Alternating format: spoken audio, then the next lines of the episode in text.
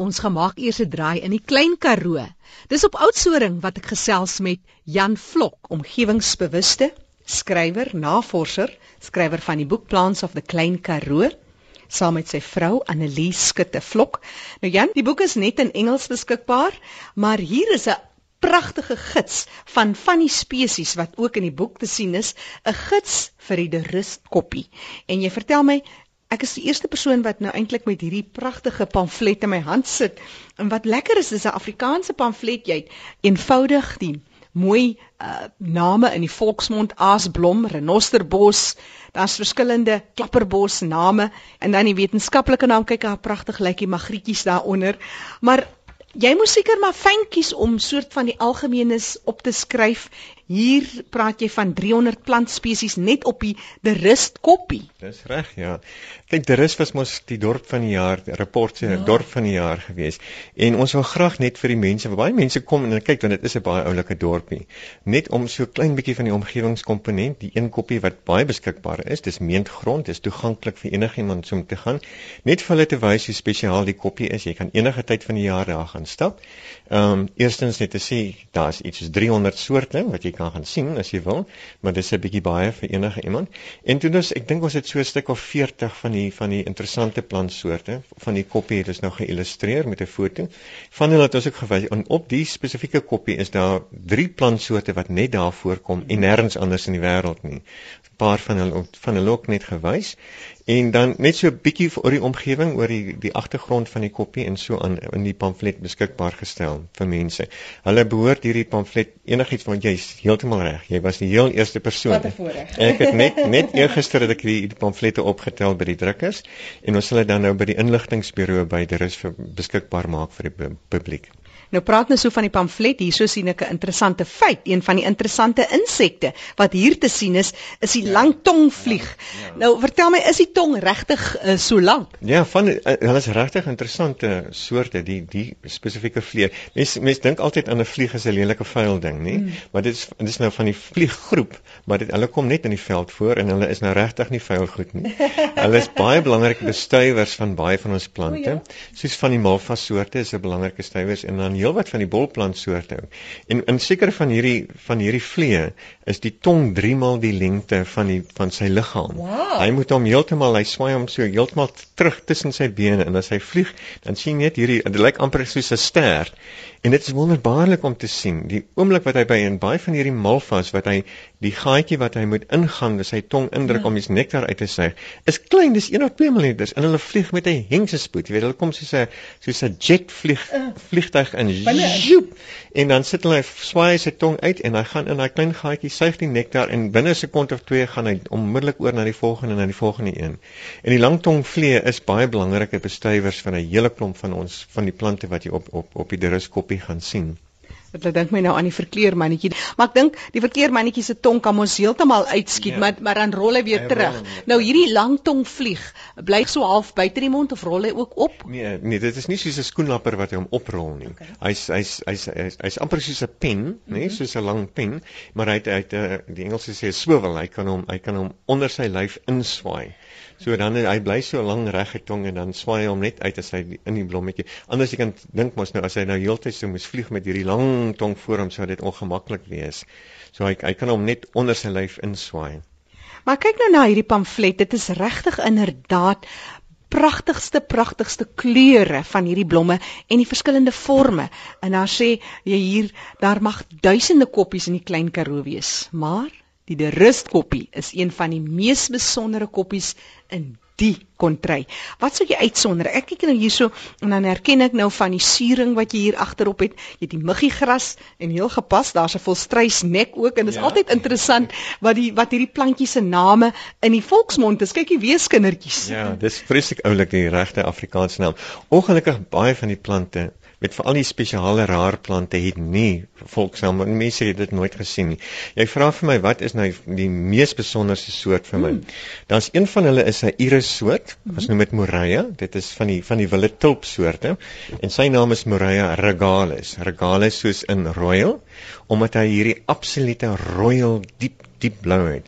Is 'n verskriklike mooi plant. Hy groei maklik 60 cm hoog en sy blomme is redelik groot in deursnee. Ag ek sou sê so 30 mm, so 3 cm in deursnee. En die plante groei maklik 60 cm hoog. So dis nie 'n klein uh, obskure dingetjie nie. Mm -hmm.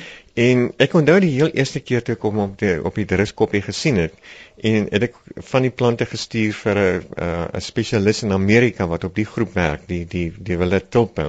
En toe het hy gesê nee, dit is 'n nuwe soort en hy het dit toe beskryf as Moraia regalis om om te praat om om te verwys na hierdie diep royal blou blomme. Maar dit is ook interessant hoe dat 'n name dan uh, hoe dat name dan vasgestel word. Vertel ons 'n bietjie oor die Moraia. Ja, kyk die ehm um, een van die wel een van die eerste plantkundiges wat nou die die die twee name bymekaar begin sit dit was 'n ou Sweedse ou met die naam van Linnaeus. Ehm um, en sy sy vrou was ehm um, Mora geweest en hy het die groep na sy vrou vernoem en dan hy dan kyk dan word dit vir Latyns.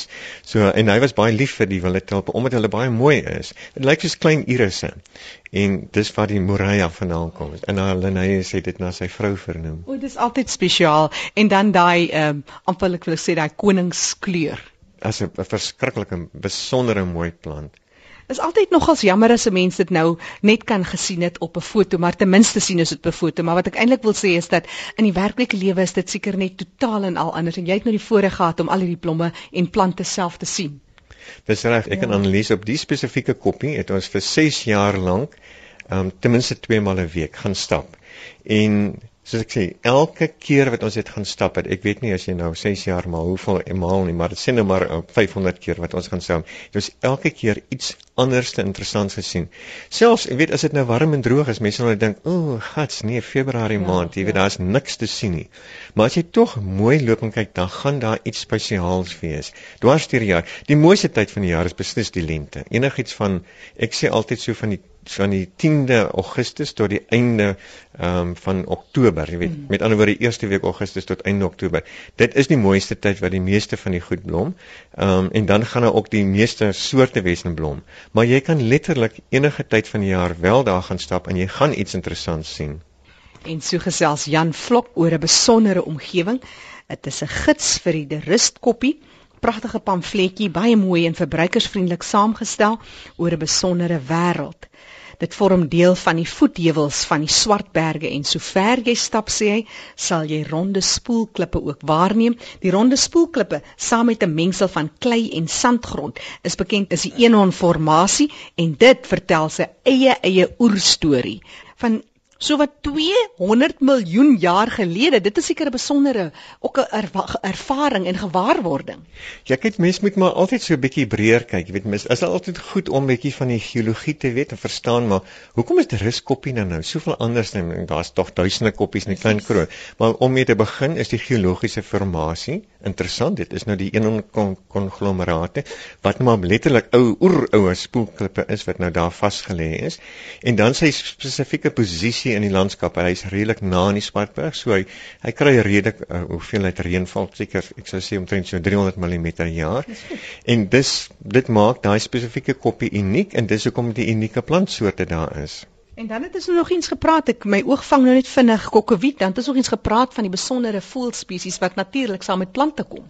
Dis reg, dis altyd die ek meen die die plante is nou die een deel, hmm. maar kyk tog ook na vir die voëls en die ander klein en daar's drie soorte skilpaaie wat daar voorkom hmm. en en uit die aard van die saak is daar 'n horde verskillende in, interessante in, insekte waarvan die langtong vlieg. Ek dink seker een van die mees interessantes is so as jy veral in Oktober, September, Oktober gaan, dan sal jy die langtong vlieg daar sien. Hmm dis dis 'n ding op sy eie om te sien, hoor, baie spesiaal.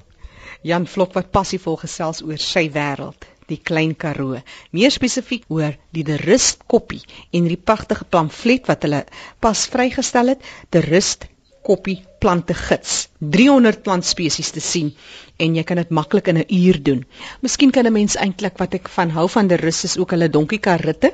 'n Donkiekarretjie vat tot op bo op die koppie. Sal hy dit doen? Ja, ek dink die donkiekar sal vir jou tot daar vat, maar dan die belangrike ding is mens moet stap. Ja, jy moet ja, baie van hierdie plante en ook een van die dinge wat ons aanbeveel vir die mense, maak seker dat jy 'n uur of 2 tyd het en dan sit vir jou klein perseeltjie uit. Dit is my altyd interessant om te doen, net so 2 meter by 2 meter mm. perseeltjie en bekyk daai perseeltjie baie mooi en kyk hoeveel plantsoorte jy daar gaan kry. Gewoonlik sal jy iets in die orde tussen 20 en 30 soorte. As jy nou baie mooi kyk, sal jy in net 'n 2 meter by 2 meter perseeltjie. Kyk mooi.